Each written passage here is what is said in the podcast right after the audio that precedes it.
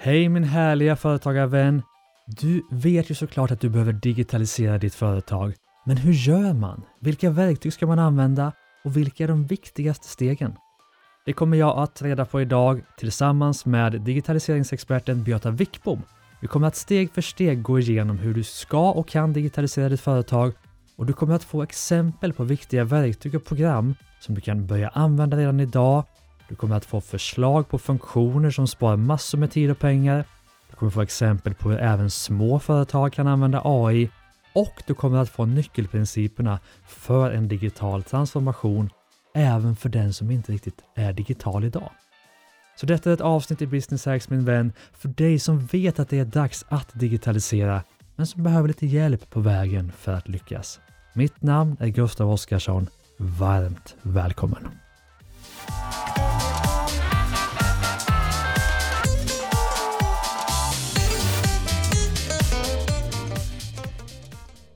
Välkommen tillbaka till Business X, Beata Wickbom.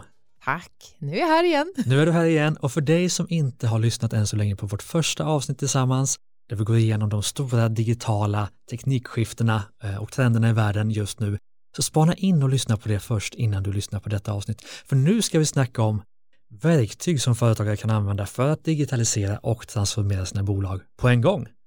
Sant. Sant, vad härligt. Men du ska vi inte bara ta lite olika områden och titta på vad som finns, vad man kan göra på en gång för att bli mer digital. Ska vi börja med ett så enkelt område som ekonomi och bokföring? Ja, där har ju hänt så mycket ja. och då är det ju just eh, vår hjärna orkar inte kompilera hur mycket information som helst. Vi kan inte göra breda stora analyser, vi kan inte göra förutsägelser och vi har ganska svårt att lära våra misstag. Mm. Men om du då använder en digital bokföringstjänst så kan du ju få analyser på korsen och tvärsen och du kan framför allt få lite mer prediktiva analyser som förutspår hur det kommer gå framåt. Mm. Och är du då intresserad av eh, hur, hur det ska gå, då tycker jag att du ska lägga lite tid på att hitta några sätt att plocka ut analyser som du känner dig bekväm med så att du kan jämföra över tid. För att det är inte roligt första gången man sätter sig och ställer in liksom vad är det för rapport jag vill ha eller vad vill jag titta på.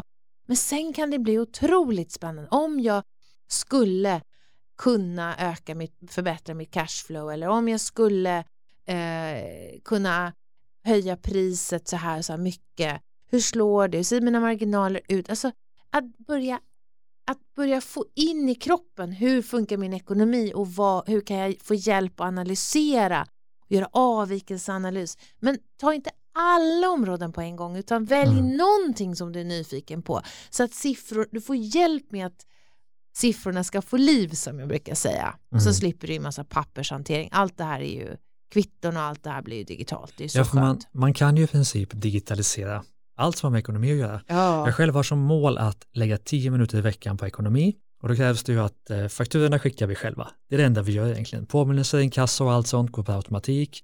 Vi har en smidig kvittoapp som sköter kvittoredovisning i princip automatiskt och så vidare och så vidare. Så att, eh, ungefär tio minuter i veckan. Och det handlar bara om att egentligen analysera siffrorna som kommer till mig. Ja. Och få en rapport med smarta nyckeltal och så vidare som man kan jämföra över tid. Och allt det går ju att automatisera. Och mycket av det finns ju i de ska man säga, mer vanliga bokföringsprogrammen. Det finns ju Fortnox och Visma som är väldigt duktiga och så vidare. Men har du några andra ekonomiverktygprogram som du kan tipsa om? Jag tycker att det är roligt med olika tjänster som kan visualisera mm. och som kan göra det lätt eh, att, att förstå, alltså det, att där byggs in ett pedagogiskt moment. Eh, och jag tycker också att det är intressant liksom, om vi pratar ekonomi med allt, jag tycker Hedvig som jag nämnde innan är helt osannolikt att man, man kan helt enkelt uh, göra en skadereglering genom att lämna ett röstmeddelande och så analyseras den och sen några minuter senare har du pengarna utbetalda om du har varit med om mm. skada eller ett inbrott. Alltså det här tidsreduktionen, de här tjänsterna är ju byggda för att vara tusen gånger bättre än de gamla versionerna mm, mm. av sådana här tjänster.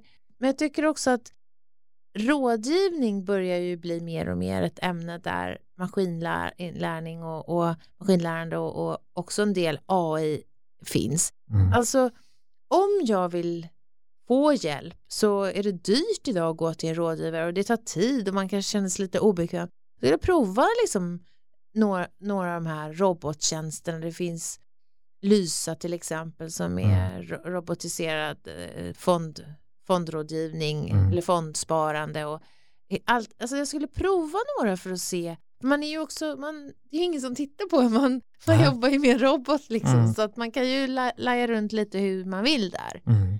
Och jag tänker att på sikt så får man väl en personlig assistent också som hjälper en eh, med alla möjliga val som har med ekonomi att göra och om mm. den sen är ett litet nyp i armen eller om det kommer ett pip i telefonen eller hur man blir tillsagd det vet jag inte men mm. de här gränssnitten är inte helt utvecklade ännu för att styra oss människor i realtid. Mm. Men om vi hoppar från ekonomi då till något som också handlar om pengar, det vill säga försäljning. Mm. Har du några tips på verktyg där som kan både digitalisera och eh, förenkla att hitta nya kunder till exempel?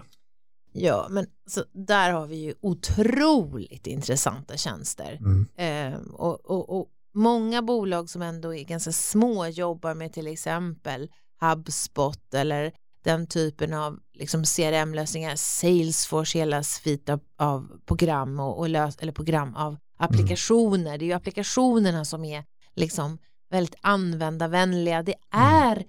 inte svårt att komma igång. Sakerna hänger ihop. Det är smart. Eh, det finns ju mängder med sådana tjänster som hjälper dig att jag menar, ur, du, kan säga, du kan ge ett exempel på vad du har för typ av kunder idag och så kan den snabbt säga att det finns 42 sådana tvillingar här och du kan få hjälp att liksom följa upp hur effektiv din marknadsföring är. Men jag skulle säga också att alltså, jag skulle säga att väldigt mycket handlar om att orka vara kreativ och du mm. kan också göra i det lilla. Om vi inte tittar på program och system som jag tycker liksom program och system och, och samma sak när man håller på och bygger kanske en e-handel som många av er gör. Mm. Alltså, de eh, analysverktygen som finns inbyggda i dem är helt fantastiska. Man vill liksom använda de där verktygen för att få åtkomst till dem. Mm. Men vad är det lilla? Så skulle jag säga att en företagare idag som inte bara har gjort en som inte har gjort en bra närvaro på LinkedIn till exempel mm. tycker jag har en stor potential. Att, berätt, att bygga upp en följeskara att äga sin egen kanal, att inte betala för marknadsföring, att hitta prospects genom att hålla kanske skriva saker, eh, göra artiklar, vara bjussig med kompetens, vara bjussig som expert. Det är ju ett sätt också att, det är ju lite mer manuellt, men du hämtar hem så mycket över tid genom att ha din egen följarskara. Mm. Så det är ju, man tänker ibland bara på liksom försäljningsstöd i mer system, men jag skulle säga att det och för många som jobbar business to consumer så skulle de ju inte klara sig utan mm. Facebook till exempel och, och Google Ads ska vi inte prata om hur bra det är med mm. man kan ställa in en budget och bestämma precis hur mycket man är beredd att betala. Mm. Och detta är ju teknik som inte kräver, alltså kräver något teknikkunnande. Jag kan berätta lite vad jag själv använder i många av mina det. bolag. Dels har vi ju hela marknadsföringsdelen. De enkla sakerna att nämna är ju Facebook Ads såklart. Väldigt enkelt att ställa in eh, annonsering för olika målgrupper och även Google AdWords som du nämner. Snackar vi ekonomi såklart, eh, bokföringsprogram men också kvittoappar. Kvittorna rakt in i kvittoappen och så är det klart. Otroligt skönt. Fanns inte för tio år sedan. Tittar vi på eh, internkommunikation så använder vi aldrig mail längre. Vi använder något som heter Slack, alltså en intern chatt kan, chatt kan man säga med olika grupper och direktchattar. Funkar otroligt bra. Vi har, vi har inga mail internt och det är ju otroligt skönt. Tittar vi på eh, projekthantering, eh, olika projekt, så använder vi något som heter Asana eh, för det. Och som sagt, återigen, många av de här sakerna fanns ju inte för, för tio år sedan. Och de var dyra. De kostar mycket pengar, nu kostar mm. de, inte vet jag, 100 spänn, 200 spänn per månad. För sociala medier använder vi Hotsuit, vi kan skicka ut alla budskap från ett program istället för att gå in på Instagram, Facebook och LinkedIn och sådär. Jag använder Mailchimp som jag är väldigt nöjd med. För nyhetsbrev mm. till exempel och lite marketing automation mm. finns väl där. Ja. Vad är det som, när du lyssnar på vad jag säger, vad tycker du att, vad borde jag komplettera med i mina bolag? Jag tänker också på att det är viktigt med lärande mm. och det är viktigt med in, både inspiration och lärande och att, mm. att bygga in olika typer av liksom möjligheter att fördjupa sig så att man blir både en bättre och bättre användare mm. men också att, att kompetensen och kunnandet om det du håller på med ska, på, ska komma in ännu mera eh, och fördjupas med, alltså jag tänker på olika typer av eh, digitala eh, coacher som finns idag för dig för mm. att peppa dig som företagare som person. Ja. Eh, att du vässar din kompetens inom de områden och går kanske någon kurs eller mm. någon e-learning eller um, ja det finns ju eh, olika typer av plattformar där man kan gå in och, och eh, jobba med eh, det finns en som heter Udemy till mm, exempel mm. Som jag tycker är så otrolig att det är inte så det är inte dyra Kostar kurser. ingenting. Nej. Knappt det här. Men det finns också väldigt mycket på YouTube och mm. det, jag älskar till exempel att man kan ställa in hastigheten på YouTube så man kan gå lite snabbare om man ja. lite men också väldigt många kurser på LinkedIn. För jag tror att det, det som i slutändan avgör om du ska orka mm. eh, vara innovativ och nyfiken hela tiden det är att du känner dig kompetent. Känner du dig lite efter och lite bortdribblad då tappar man lätt sitt engagemang. Mm. Och du ska också vara, du ska känna dig autonom med de här verktygen. Ja. Eh, så att du inte är beroende av att ringa någon IT-konsult varje gång utan du ska veta hur de funkar och då kan man säga så här, men jag tänker inte hålla på med IT och verktyg. Nej, men du kunde ju hålla ett kundmöte fysiskt, du kunde ju liksom sitta med en massa, du kunde ringa förut och du kunde ta mm. emot folk och du kunde rekrytera.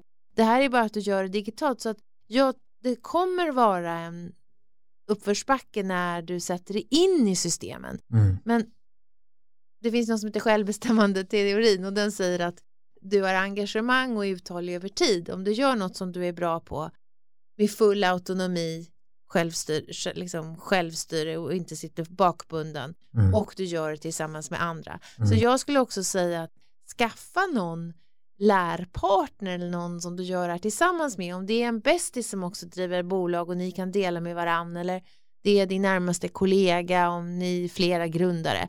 Så du inte gör hela den här digitaliseringsresan ensam. För då, mm. då, då, är det ju, det är många steg som är annorlunda från hur man jobbade fysiskt. Men du har ju alltid kvar din kompetens om vad grundbusinessen är. Du mm. kan dina kunder och du kan liksom dina tjänster eller produkter. Så det får man inte glömma bort. Och då blir det mycket mer glädjefullt att ta sig an när du ser wow vad det accelererar försäljningen eller wow så mycket mer träffsäkert det blev. Mm, mm, så tänker jag. Och mycket av det som känns kanske utmanande i bolaget gör du redan privat. Du sitter ju på Facebook eller Instagram och det är i princip samma, allt du behöver kunna för att lyckas med Slack eller Asana till exempel när det gäller projekthantering och ja. Eh, kommunikation. Så det är Många har enkla gränssnitt idag, de är mm. gjorda för att klicka, dra, mm. man ska inte fylla i två gånger utan har man fyllt i en gång ska det vara där. Mm. Och då sitter säkert någon och tänker så här, de här jävla systemen, så är det inte alls. Men det är väl också en tekniktrend att alla bolag som utvecklar tjänster har insett att om det inte är enkelt så, så är det en dålig tjänst. Alltså mm. att användargränssnittet är så viktigt idag för att det ska gå smidigt och du inte ska känna dig bortdribblad och dum. Ja en sak jag kom till på också var ju avtal är jätteskönt att ha. Eh, mm, signering av avtal, ja. Verkligen. Men du, ett område som vi inte har varit inne på det är ju medarbetarna, både rekrytering och de du har i ditt bolag. Finns det digitala tjänster för hela den världen också? Som mm. är vettiga att använda? Det finns det ju. Det finns ju olika typer av um, alltså onboarding-tjänster och det finns um, olika mm, sätt, allt från digital annonsering för att hitta folk till eh, all CV-hantering och hur du skickar, om du har ett lite större bolag och får in väldigt mycket ansökningar så gör du det digitalt också bara för att hantera den mm. processen. Mm. Kan du nämna något? Eh, um, jag verktyg? kan inte så mycket om de där HR-systemen. Men, jag behöver ett själv. Så ja, um, men det finns ju, det är ju verkligen någonting som det finns också eh, mm liksom globala system för, för det här har ju alla behov av. Ja. Och sen så är det liksom hela hålla koll på dina medarbetare och olika typer av personalsystem ska du ju absolut ha och hela medarbetar hur medarbetarengagemanget ser ut så det är många mm. som använder enkla pulsmätningar idag för att så ett fint litet svenskt bolag som heter And Frankly som gör till exempel pulsmätningar mm. där man får några frågor per vecka på mail eller sms menar jag, inte mail, sms och så sammanställer de och så har man det som underlag för chefer att förstå hur står det till just nu. Det kanske passar om man har kanske tio medarbetare eller mer, mm. men de passar absolut för små bolag också. Mm. Och, och där tror jag också så här, en coach i fickan och den här typen av liksom extra stöd som idag finns eh, i form av appar som ska stötta dig mm. att till exempel följa en plan eller hålla ett mål eller mm. det, det, då blir du inte lika beroende av att du har en bra chef eller bra kollegor. Det är ju också en väldigt frihetskänsla att mm.